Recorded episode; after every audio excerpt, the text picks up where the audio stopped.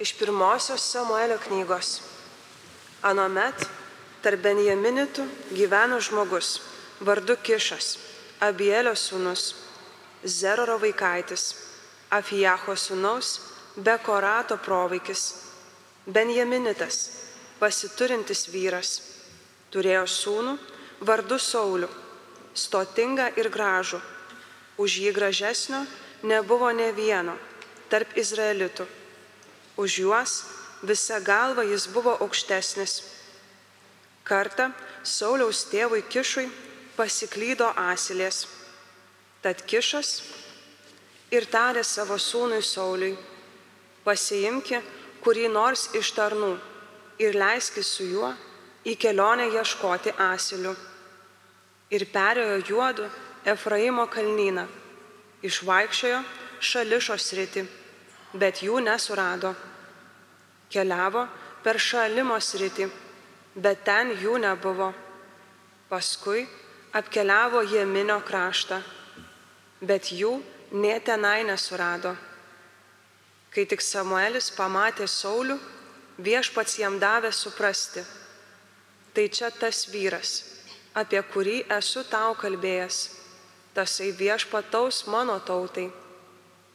Saulis, prieėjęs prie Samuelio tarp vartų, paklausė, prašom pasakyti, kur aiškeregio namai. Samuelis atsiliepė Sauliui, tai aš ir esu aiškeregys, eik su manimi į viršų. Judu privalote šiandien su manimi pavalgyti. Rytoj aš anksti išleisiu tave į kelionę. Po to, kai būsiu pasakęs visą, kas ant širdies tau guli. Paėmęs aliejinį indą, Samuelis išpylė aliejų ant Sauliaus galvos ir jį pabučiavęs pasakė, tave štai patepė viešpats savo paveldo kunigaikščiu. Tu viešpatausi viešpaties tautai ir ją išvaduosi iš ją supančių priešų rankų. Tai Dievo žodis. Džiaugiasi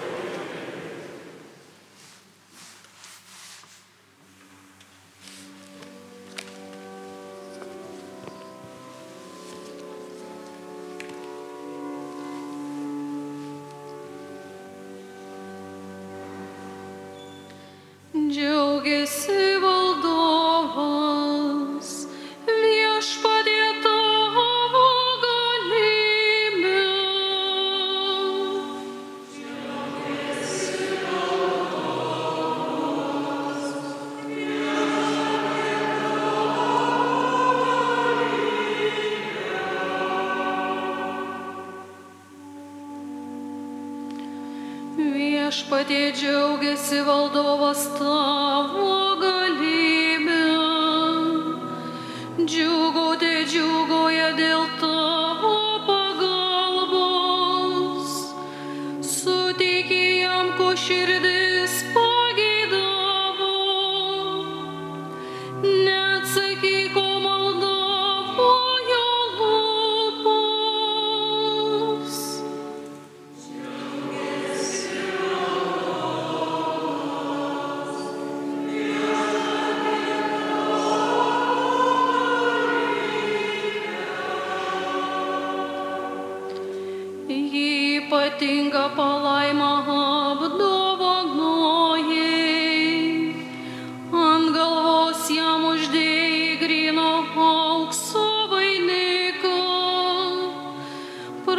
Тщитове,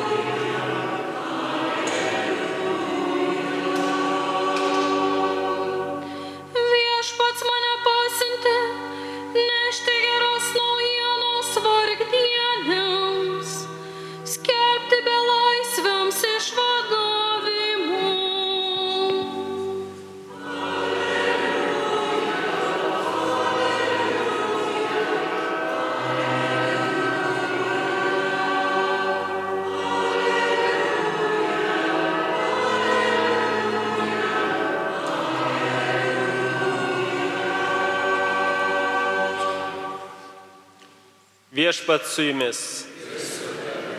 Iš Ventosios Evangelijos pagal Morkų garbė.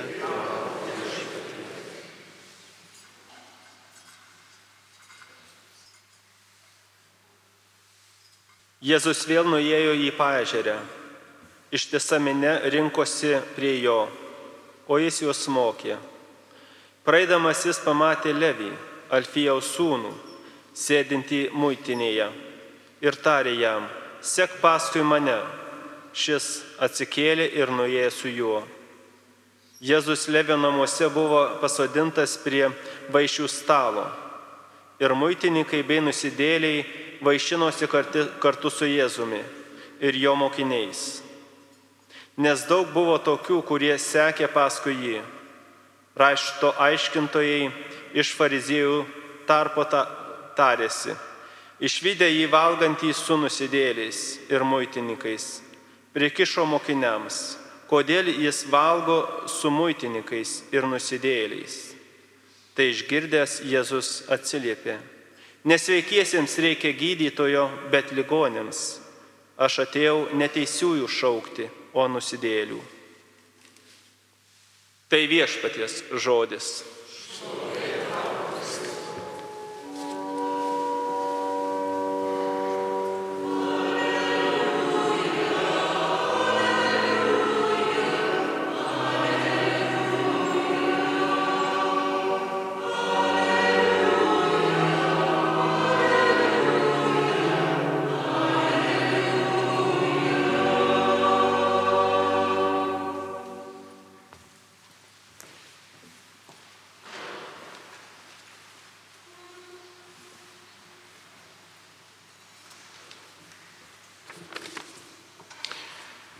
Mėly broliai seserys, mūsų vienyje ši bendra malda Šiluvoje.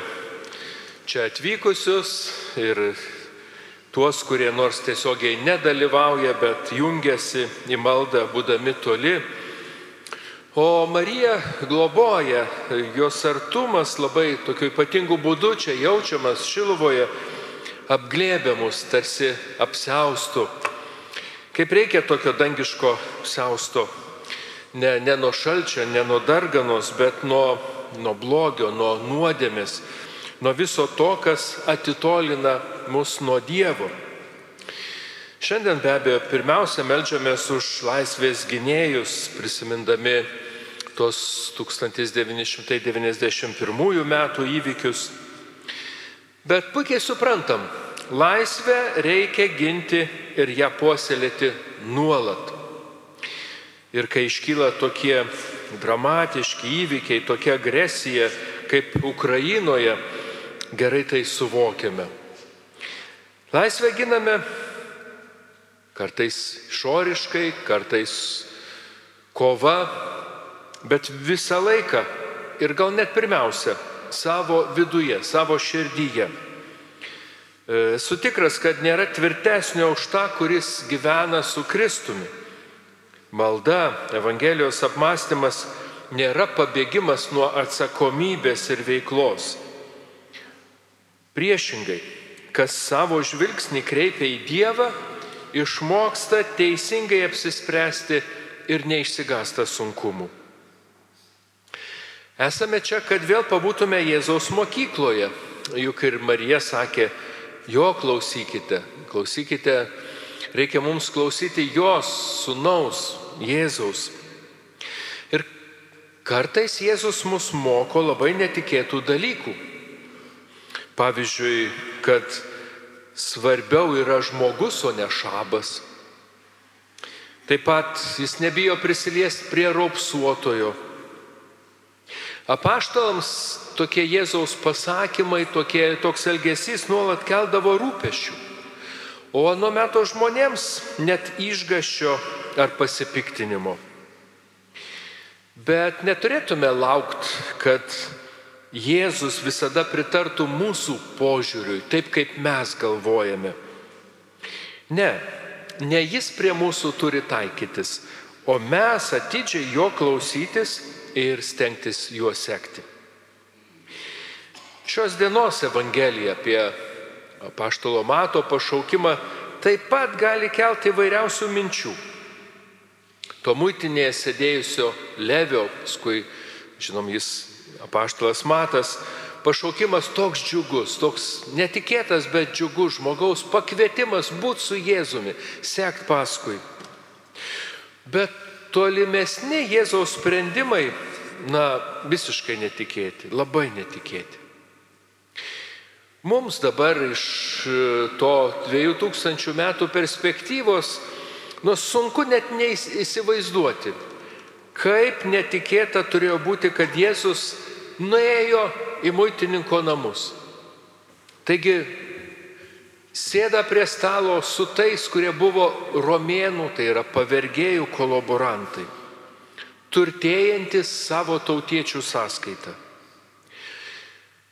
Pamaldus, dori žmonės dažnai kentėdavo, jiem reikėjo aukotis, kad išliktų ištikimi savo tikėjimui.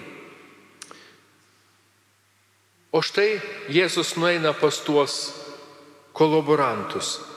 Manau, tie žmonės turėjo būti nuoširdžiai sukrėsti tokio Jėzaus poelgio.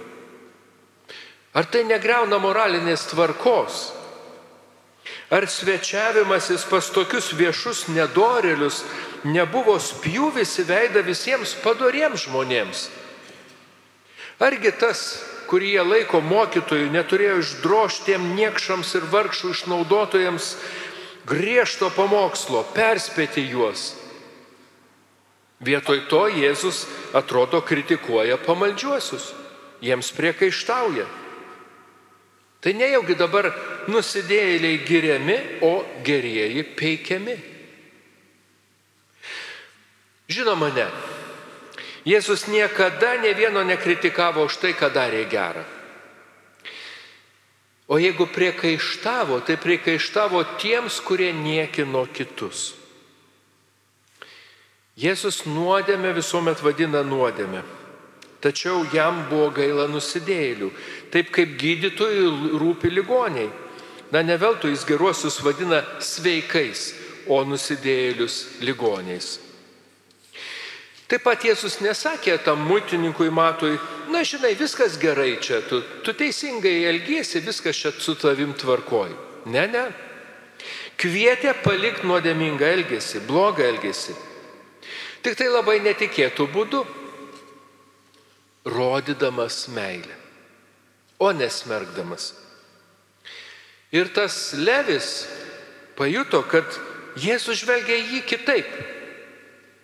Kitaip negu tariami teisėjai, pamaldieji, kurie tik kritikavo ir smerkė ir niekino. Ir štai kodėl Jėzus bendrauja su visais tais keistais mato draugais, muitininkais ir nusidėjėliais, kaip įvardina fariziejai. Dar keiščiau, kad jis neliepia pirmai rodyti, kad jie verti jo draugystės, kad pirmiausia turėtų atitaisyti skriaudas, papiktinimus atlikti tinkamą atgailą ir tik tai tada prisertinti prie jo ir išdrys sėstis prie, prie to paties stalo. Kad ir kaip būtų keista, Jėzus pirmiausia parodo meilę, o ne paniką. Galim klausti, ar jie visi atsivertė, visi pakeitė gyvenimą, tie, kurie sėdėjo prie Jėzaus stalo. Nežinau, Evangelija to nesako, bet galim pagristai suabejot, vargu. Ir vis dėlto jų gyvenimuose nušvito tam tikras vilties žiburėlis.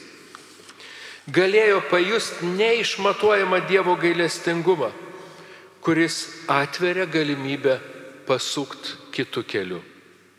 Iš karto, vėliau kažkada gyvenime. Bet tas kvietimas ir tas buvimas su Jėzumi turėjo įsispausti širdyse. Piktinamės tada, kai mes laikom save teisėjais, o kitus klystančiais. Bet jeigu mes atsistojam tarp tų neteisiųjų, tarp tų nusidėlių, O tada labai svarbu, kad Jėzus parodytų gailestingumą. Iš tiesų, ta Evangelija dar kartą mums atskleidžia labai svarbų dalyką, kad Dievo malonė visada yra pirmesnė už žmogaus judesi ir pastangas. Labai gražiai rašoma vienoj nesenai išėjusi knyga ir sako, jeigu imamės kokiu nors žygiu, jie tėra tik mūsų atsakas į pirmiau nuskambėjusi kvietimą. Dar prieš iškylant troškimui, ten jau yra malonė. Tai ji mus įkvėpė, stumteli pirmin, pašaukė išeiti iš mirties ir atrasti gyvenimą, laisvę, tiesą, teisingai užmėgstą santyki. Pirmiau yra malonė. Ir toks Dievo veikimas man teikia drąsos, reikia vilties, ypač sunkumų metu, kai gali atrodyti, kad esam Dievo palikti, užmiršti. Ne, ne. Dievo malonė veikia pirma, ne tada, kai aš jos nepastebiu.